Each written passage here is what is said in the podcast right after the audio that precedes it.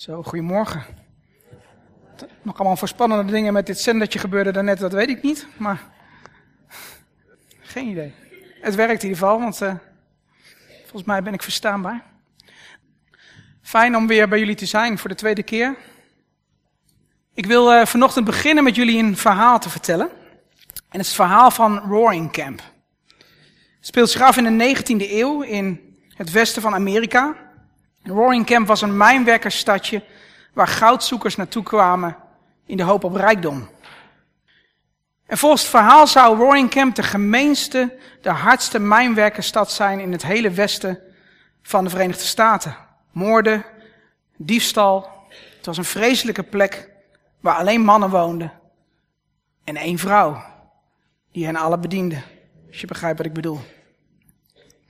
Haar naam was Cherokee Soul. Helaas overleed zij tijdens de bevalling van haar eerste kind, een jongetje. De mannen namen het jongetje mee en legden het in een doos met wat oude vodden waar op kon liggen. Echter, toen ze daar zo naar keken, realiseerden ze zich dat dat er niet goed uitzag. Dus besloten ze dat een van hen zo'n 100 kilometer verderop naar de stad zou rijden om daar een wiegje te kopen. Toen de man ermee terugkwam, legden ze het kind met wat oude vodden opnieuw in het nieuwe wiegje. Ook dat vonden ze niet zo passend. Dus vertrok een andere man opnieuw naar de stad om luxe beddengoed te kopen en, en dekens. En terug in Roaring Camp wikkelden ze het kind in die dekens, legden ze het opnieuw in het wiegje. Het zag er prima uit, totdat een van hen opviel dat de vloer onder het wiegje wel heel erg vies was. Dus deze harde, stoere mannen gingen op hun knieën en met hun vieze handen schopten ze de vloer tot deze helemaal schoon was. Alleen in vergelijking met de vloer zagen de muren, het plafond en de ramen zonder gordijnen er nu ook verschrikkelijk uit. Dus besloten ze om dat ook maar te gaan schoonmaken. Er werden gordijnen opgehangen, de muur werd geschropt. Het begon er al op te lijken. Maar natuurlijk moesten ze ook al hun geruzie gaan opgeven. Want kleine kinderen slapen niet bij een lawaaiige ruzie. En zo veranderde Roaring Camp beetje bij beetje. De hele sfeer werd gemoedelijker. Ze namen hun baby regelmatig mee naar, naar buiten en zetten hem dan bij de ingang van de mijn. En uh, dan elke keer als ze dan even boven de grond kwamen, dan konden ze even naar hun kind kijken, hun gezamenlijke kind. En uiteraard, toen viel het ook iemand op dat het wel een hele troosteloze omgeving was, deze ingang van de mijn. Dus besloten ze daar bloemen te planten en een mooie tuin aan te leggen. Het zag er werkelijk prachtig uit. En vanuit de mijn namen ze dan kleine glimmende steentjes mee die ze daar hadden gevonden. En die legden ze bij hun kind in de wieg. En toen zagen ze weer wat. Ze zagen hun eigen handen naast die prachtige reine handjes van de baby. En toen dachten ze dat kan ook niet. Dus al snel waren scheerbenoogdheden, zeep en parfum in Roaring helemaal uitverkocht. De baby veranderde alles. Lieve mensen, het is vandaag derde advent en ook wij verwachten een baby. En geïnspireerd door dit verhaal van Warren Camp wil ik het vanochtend bij jullie hebben over verandering, over transformatie. Zijn wij veranderd nu Christus in ons hart is geboren? Heeft het kind ons veranderd? Wat zegt de Bijbel over veranderen? Dat soort vragen. Ik wil even twee woorden die jullie beiden kennen tegenover elkaar gaan zetten. Allereerst het woord traveler, reiziger in het Nederlands. In het Engels is de oorsprong van dat woord traveler one who travels. Het lijkt op travels, dat we wellicht allemaal kennen, maar het gaat om het woordje travels. En dat woord betekent in het Nederlands hij die werkt, hij die leidt, hij die ploetert, hij die volhoudt. Een reiziger is daarmee dus iemand die in de oorsprong van dat Engelse woord zich volledig onderdompelt in de cultuur van het land waar hij in reist. Hij leert de taal en de gewoonte. Hij, hij leeft met de bewoners van het land. Hij kleedt zich als hen. Hij eet wat hen eten. Wat zij eten, moet ik zeggen. En zo'n reiziger neemt risico's. Sommige enorm groot. Brengt ook offers. Doet vaak pijn. En deze reiziger is voor een lange tijd van huis. En als hij al terugkeert naar huis, dan is hij veranderd. Voor altijd. Het woord wat ik daar tegenover wil zetten is toerist. Bij een toerist liggen de zaken anders. In toerist hoort het woordje tour, dat betekent rondreis. Een toerist gaat eigenlijk gewoon een luxe omweg naar huis. Hij gaat als het ware ergens vluchtig doorheen, koopt een souvenir, maar blijft bij het vertrouwde en veilige. Hij vangt misschien eens een enkel woord op, een, een zinnetje, maar de taal en de wereld waartoe die behoren, blijft ver van hem. Hij ziet en hij consumeert. En daarna keert hij huiswaarts met een smartphone vol met foto's, een aandenken en roept zo snel als hij kan, Oost-West, thuis best. Volgens de historicus Daniel Bourstin is men in Amerika vrij snel overgestapt van het woord reiziger naar het woord tourist. Op een plotseling moment is men dat anders gaan noemen. En ik denk dat we in de kerken een vergelijkbare verandering hebben doorgemaakt. En dat we op enig moment in de kerkgeschiedenis ermee zijn gestopt om christenen discipelen te noemen. En dan zijn ermee gestart zijn om ze gelovigen te noemen. Laat me dat even in, in, in uiterste tegenover elkaar zetten. Een discipel is iemand die Jezus volgt en imiteert. Hij vindt zijn leven door het eerst te verliezen. Hij duikt in de taal en cultuur van, van Jezus totdat, totdat zijn woord hem verandert. Een discipel gaat met de tijd kijken zoals Jezus kijkt. Denken zoals hij denkt. De dromen dromen die hij droomt. En belangrijk vinden wat hij belangrijk vindt. Bij een gelovige liggen de zaken anders. Hij houdt er bepaalde overtuigingen op na. Maar hoe diep die gaan, hangt af van het weer en van zijn gemoed.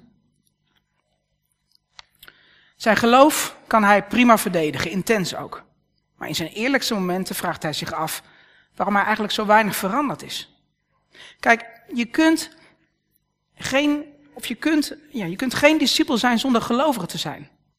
Maar, en dat is het probleem, je kunt wel een gelovige zijn zonder een discipel te zijn. Je kunt alle dingen juist zeggen, alle dingen juist denken, juist geloven, misschien zelfs alle dingen juist doen. Maar daarmee zijn we nog geen volgeling van Jezus, zijn we nog geen discipel. Het koninkrijk van God bestaat uit reizigers.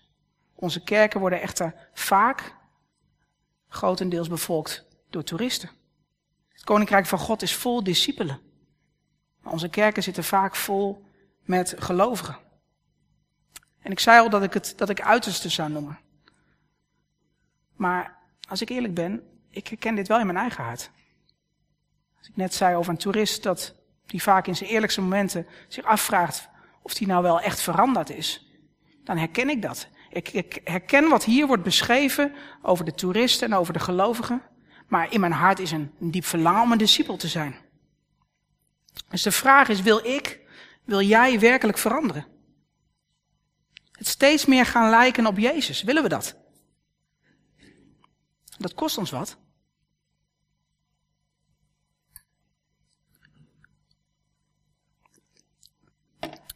Laten we de Bijbel openen en je kunt als goed is meelezen op het scherm. In uh, Romeinen 12 vers 1 staat, 1 en 2. Ik roep u dan toe op, broeders, door de ontfermingen van God, om uw lichamen aan God te wijden als een levend offer, heilig en voor God welbehagelijk. Dat is uw redelijke godsdienst. En wordt niet aan deze wereld gelijkvormig, maar wordt veranderd door de vernieuwing van uw gezindheid, om te kunnen onderscheiden wat de goede, welbehagelijke en volmaakte wil van God is maar wordt veranderd door de vernieuwing van uw gezindheid. Het Griekse woord dat hier vertaald wordt met veranderd is metamorphao en daar, daar hebben wij ons Nederlandse woord metamorfose vandaan. Metamorphao betekent letterlijk van gedaante veranderen. Denk daarbij aan een volledige verandering, zoals bijvoorbeeld een rups die verandert in een vlinder.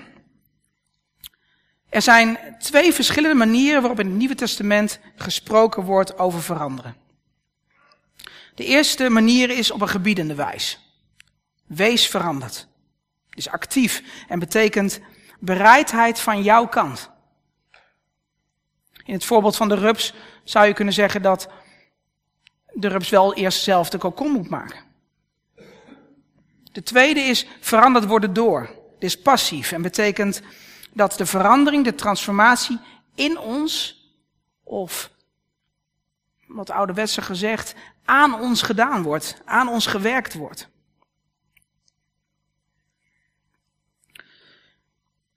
En dan, als je dat weer vergelijkt met die rups, hè, in de kokon vindt de metamorfose plaats. En daar heeft op zich de rups zelf geen actieve rol in.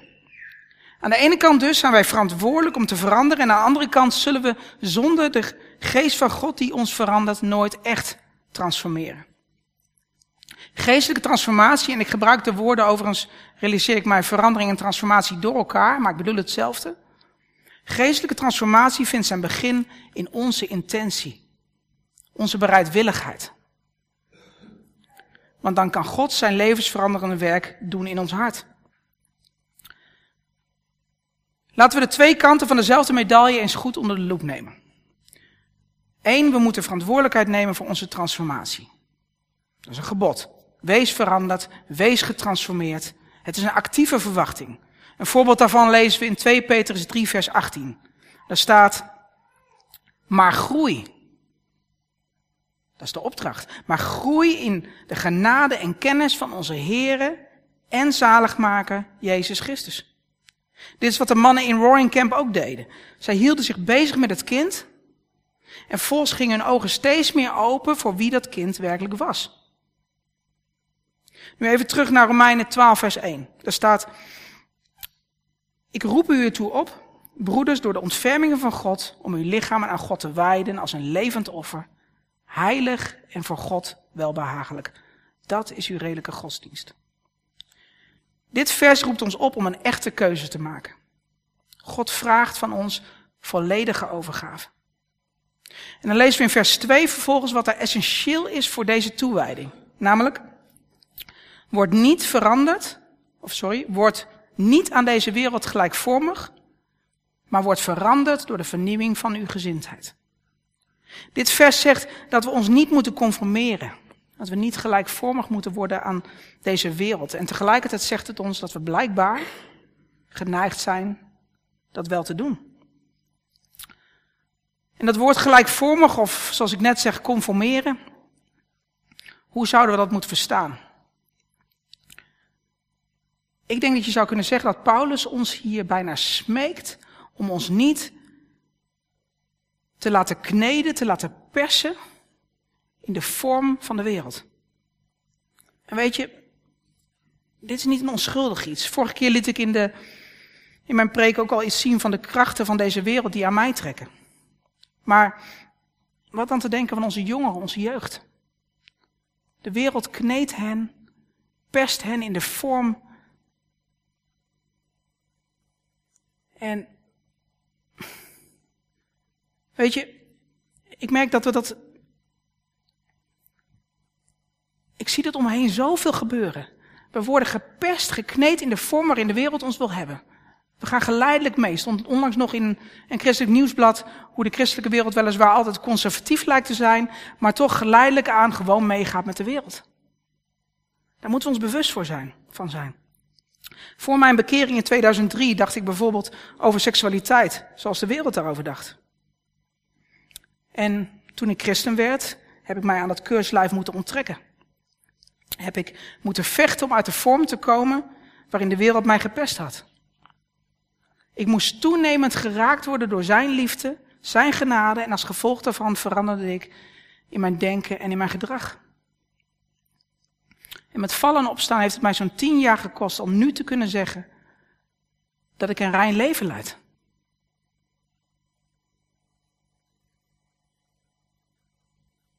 En toch is het nog steeds werk in uitvoering. Want de wereld vuurt een bombardement op ons af. Op mannen en vrouwen, specifiek op mannen denk ik in dit geval. Althans, daar kan ik me het meest in inleven. En dat bombardement, dat vindt plaats op zo ontzettend veel gebieden. Word niet gelijkvormig aan deze wereld. Zoals Johannes het schrijft, heb de wereld niet lief. En ook niet wat in de wereld is. Als iemand de wereld lief heeft, krijg, uh, word altijd een beetje zenuwachtig als ik dingen moet vertellen over mezelf die ik eigenlijk best wel persoonlijk vind. Maar ik doe dit, doe dit voor jullie omdat ik geloof dat hier ook weer mannen zitten die hier heel bekend mee zijn.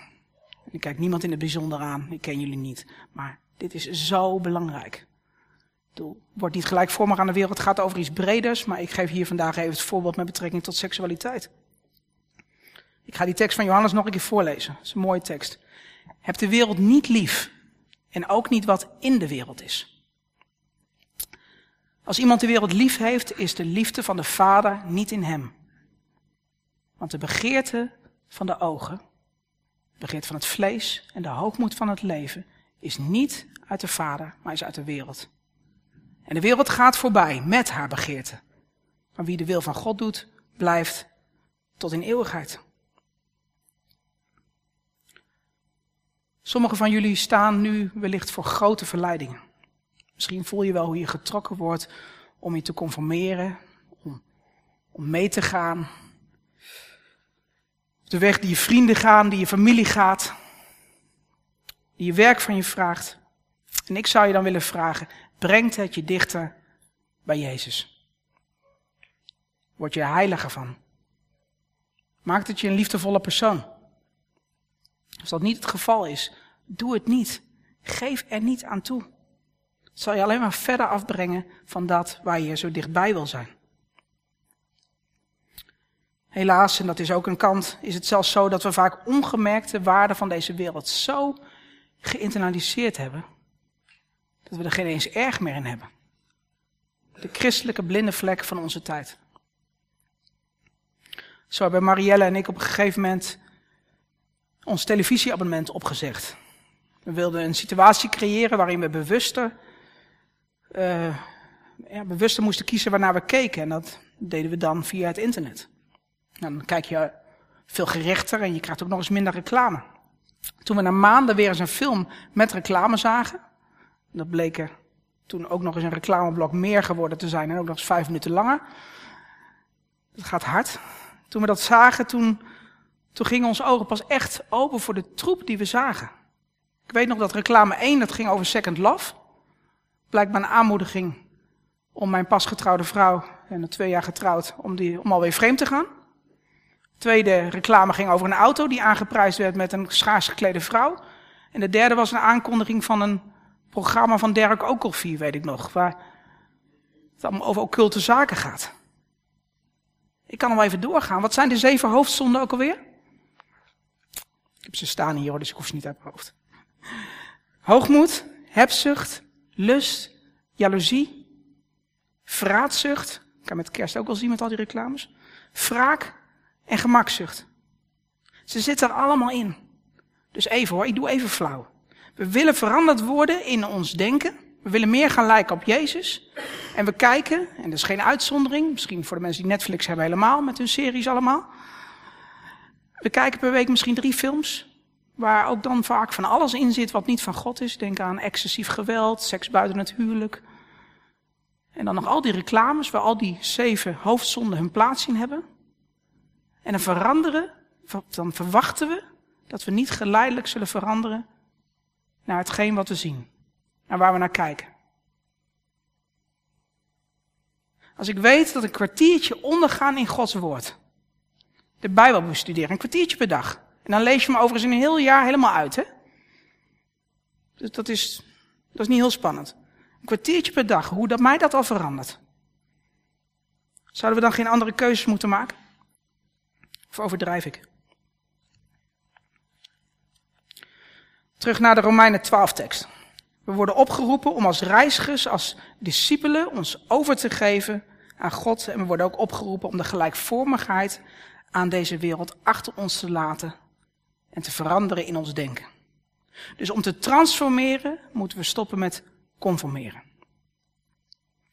Luister, als dat de twee polen zijn, aan de ene kant conformeren en aan de andere kant transformeren. Toerist versus reiziger. Gelovige versus discipel. Waar sta jij dan?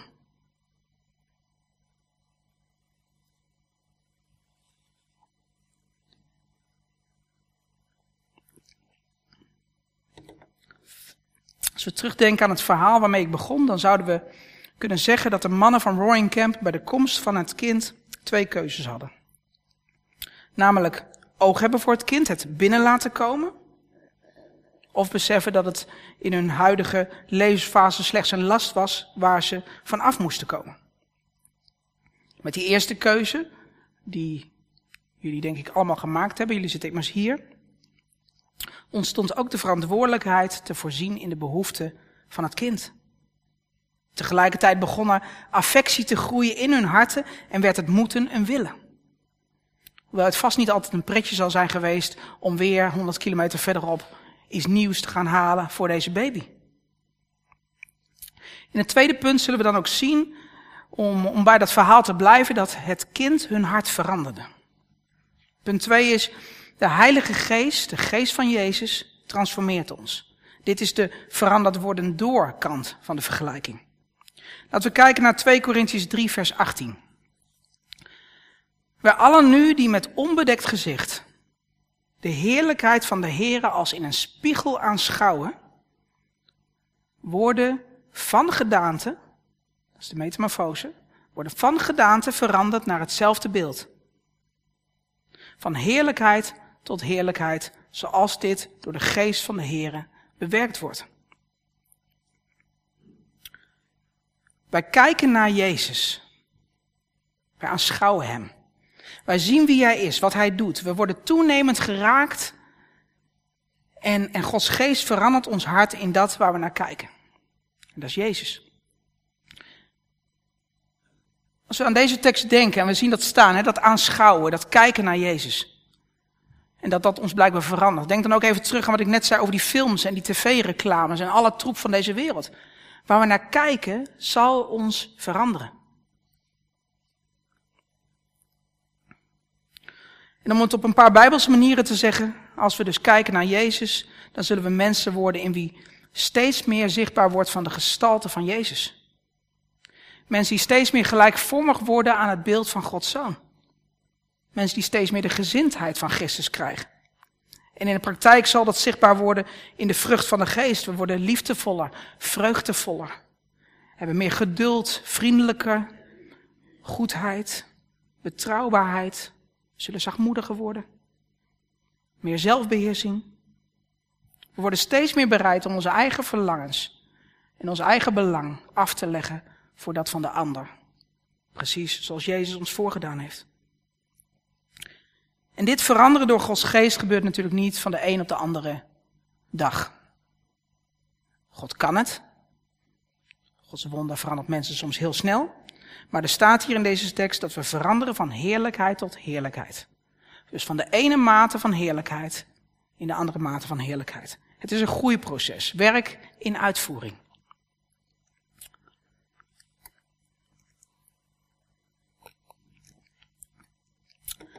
Goed, twee punten gehad dus. Onze verantwoordelijkheid, de bereidheid om te veranderen en Gods werk dat Hij ons door zijn geest verandert. In Filippenzen 2, vers 12 en 13 komen deze twee kanten mooi samen. Daar staat, die tekst is daar straks al even voorgelezen hier. Werk aan uw eigen zaligheid met vrees en beven. Dat is onze kant. En dan want het is God die in u werkt, zowel het willen als het werken. Dat is Gods kant.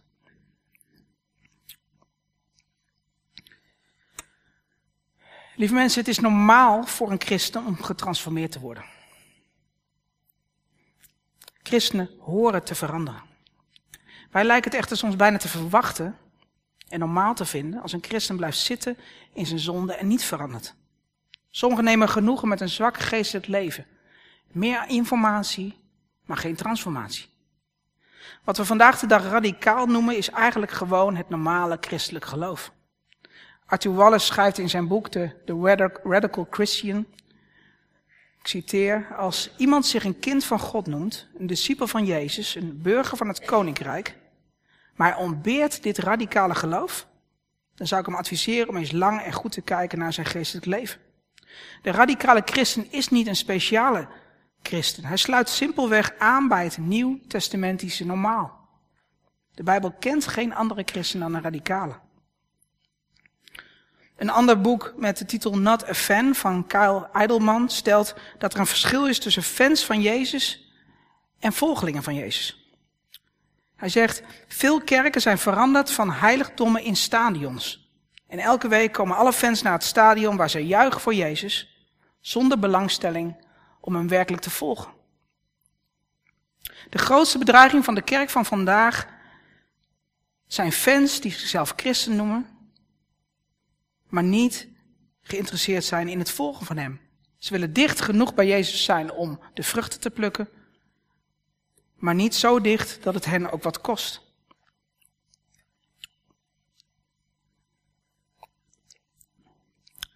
Tot slot, als het gaat over de hoe-kant van veranderen, hoe dan, hoe moet dat dan? Dan laat God ons niet zonder instructie achter. En nou, nou kan ik een aantal dingen noemen, uh, ik noem ze even samengevat, die, um, die God ons laat zien wat belangrijk is. Denk aan zijn woord lezen, naar de gemeente gaan, um, ons laten leiden door de geest, bidden. Heel belangrijk allemaal. Wat ik echter nu wil doen, is ik wil drie zaken noemen die essentieel zijn geweest in, in mijn verandering op het gebied van seksualiteit. En mijns inziens zijn het zaken die essentieel zijn voor iedere christen die wil veranderen. Allereerst, nummer één, verandering gaat om trainen. Niet om proberen. Als Paulus zegt in Filippenzen 2 vers 12, we hebben hem net gelezen, werk aan uw eigen zaligheid met vrees en beven, dan staat daar niet werk voor je redding. Het stukje werk aan in dit vers betekent zoiets als het uitwerken tot volledigheid. Zoals het uitwerken van een wiskundig probleem. En passend bij de mannen van Roaring Camp in de, is het dat het in de tijd van Paulus ook gebruikt werd voor het werken in de mijn. Specifieker alles uit de mijn naar boven halen wat van waarde was. Ook werd het woord gebruikt bij het bewerken van het land om de grootst mogelijke opbrengst binnen te halen. Als je het modern zou willen zeggen, zou je kunnen zeggen dat het hier gaat om een work-out. Sporters die, die, die, die, die trainen om, het, om alles uit hun lichaam naar boven te halen wat erin zit. In dit geval dan dus een geestelijke work-out. Om onze zaligheid, onze redding uit te werken in ons leven. Iemand in deze hoek bad daarnet nog bij het openbare gebed uh, over, over heiligheid. Dit gaat over, dit gaat over heiliging, over levensheiliging. Dus trainen en niet proberen. Ik bedoel, heb je wel eens geprobeerd om, zodra je het bedenkt, om een marathon te gaan lopen? Dat is toch de garantie voor falen, als je dat dan gaat proberen? Echter, als je je toewijdt aan een trainingsprogramma van bijvoorbeeld een jaar of twee, dan kan bijna iedereen die gezond is na twee jaar een marathon lopen. Proberen draagt in zichzelf al de grootst mogelijke optie om te mislukken. Het houdt een slag om de arm. Training daarentegen sluit toeval uit, heeft in zichzelf een doel en leidt naar overwinning. Ten diepste is dit het verschil in mindset. Maak een keuze. Werkelijke verandering is niet iets dat we proberen, maar iets dat door training tot stand komt. Dat principe is niet anders bij geestelijke veranderingen. Een tweede punt. Verandering vereist onderwijs. Verandering gebeurt zelden zonder inbreng van buitenaf. We hebben de wijsheid en de inzicht van anderen nodig. Voor groei in ons christelijk leven heeft God voorzien in leiding en raadgeving van leraar. Paulus was zo'n leraar voor de Filippenzen. Hij heeft hen het Christus gelijkvormige leven voorgeleefd. Verandering vindt plaats wanneer we kunnen leren van mensen die meer ervaring, kennis of inzicht hebben dan wij.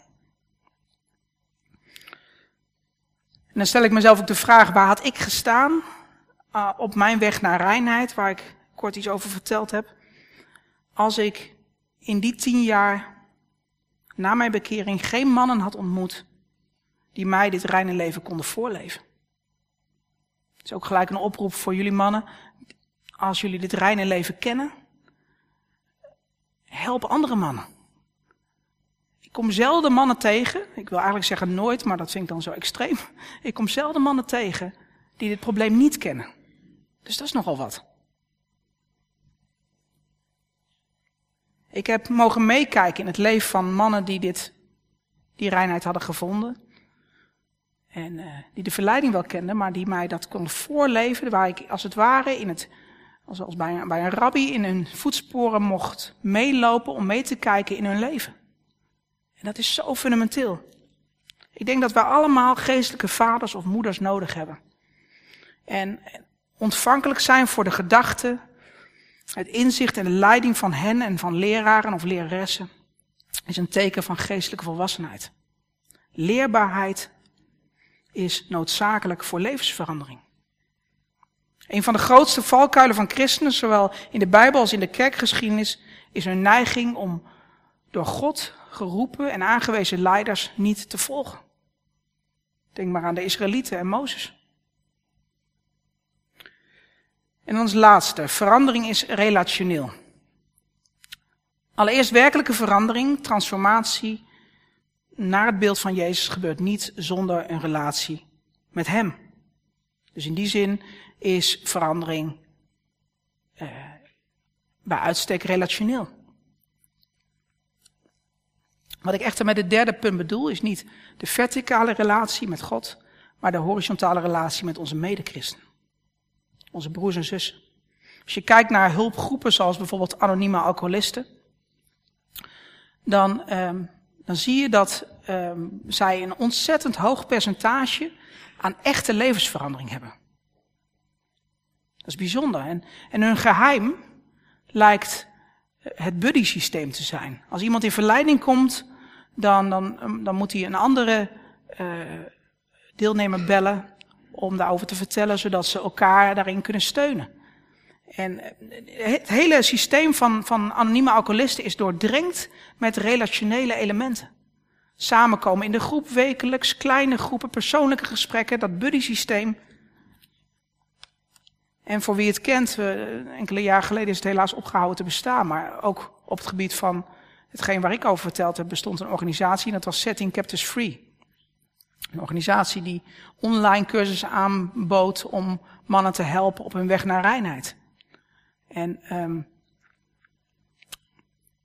die, uh, die cursus werkte ook met een buddy systeem. Je, je kreeg een mentor toegewezen en je moest tegelijkertijd in je eigen omgeving zoeken naar een verantwoordingspersoon. Iemand die jou regelmatig opbelde en zei, hoe is het ermee? Gaat het goed? Dus dat is eigenlijk hetzelfde. En als je dan denkt aan, aan, aan de gemeente, wat de gemeente oorspronkelijk had moeten zijn, kijk naar handelingen, dan denk ik dat Gods idee van de gemeente, dat dat uiteindelijk ook is wat anonieme alcoholisten doet en wat Setting Caps Free deed. Dat zijn relaties.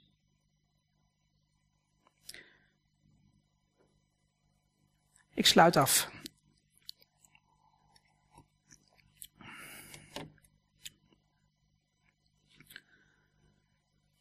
Wat zou ik graag willen dat wij hier, zoals we hier nu zitten, allemaal het verlangen zouden hebben om echte discipelen van Jezus te zijn. En ik denk dat het in eerste instantie mijn, jou, onze bereidheid vraagt. En het is mijn gebed dat deze kerst een moment zal zijn dat er een, een tijd zal zijn dat er een, dat Jezus opnieuw, of misschien een nieuw deel van Hem, geboren zal worden in ons hart zodat wij eh, bereid zullen zijn om steeds meer van onszelf weg te cijferen voor dat kind van kerst, voor Jezus. Als afsluiting wil ik graag een lied met jullie delen. En ik wil je vragen om dat moment te gebruiken om je eigen hart te, te onderzoeken, om contact te maken met God. En misschien hem te vragen of je iets met deze boodschap moet. Laten we luisteren.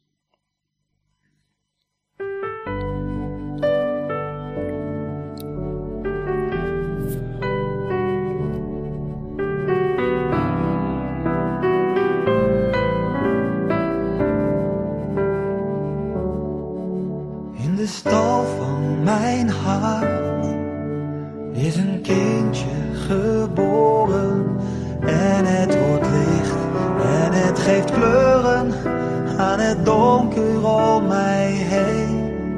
In de stal van mijn hart lijkt soms alles verloren, maar iets beweegt Want er is liefde en het laat mij niet alleen. Als ik het begrijpen wil, vallen mijn gedachten even stil. Het verandert mij, de wereld voelt opeens niet meer zo kil.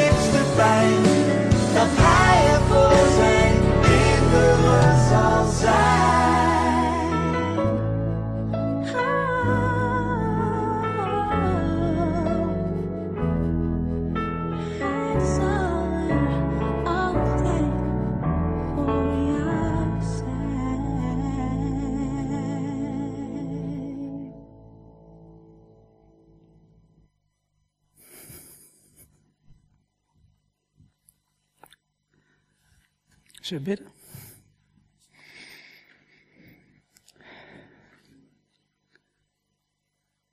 Hemelse Vader, Heer Jezus Christus.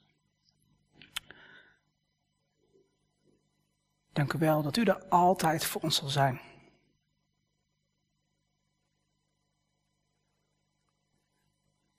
Ik wil u bidden, Heer, ehm, voor deze gemeente, voor iedereen specifiek, Heer, dat als er zaken zijn die u aangestipt heeft, dat u ze ergens aangeraakt heeft, dat ze misschien weten dat ze iets moeten doen, misschien wel specifiek mannen, Heer, als ik daar nu aan denk, over het thema wat ik even aangeroerd heb, Heer.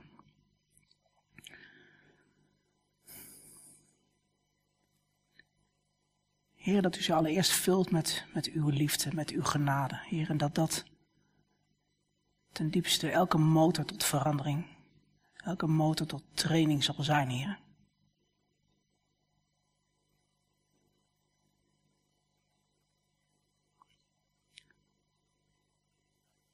Ik bid u, Heer, dat we in deze tijd waar de wereld het soms lijkt te winnen, de kerken kleiner worden en de wereld gevaarlijker lijkt te worden of killer.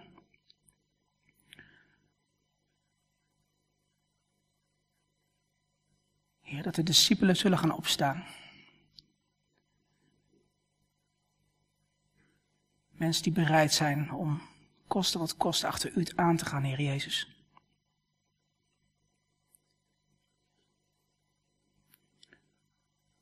U geeft ons de opdracht, Heer, om discipelen te maken. En ik denk dat alleen discipelen discipelen kunnen maken, Heer. Dus ik bid u, Heer, dat wij zoals wij hier nu zitten, alle een discipel van u mogen zijn of worden.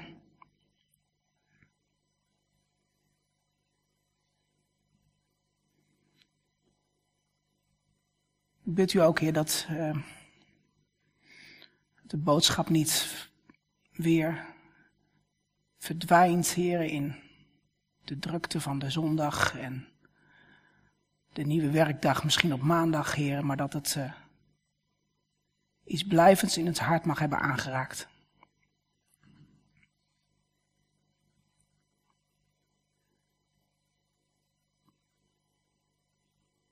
Heer, helpt u ons alstublieft om te veranderen.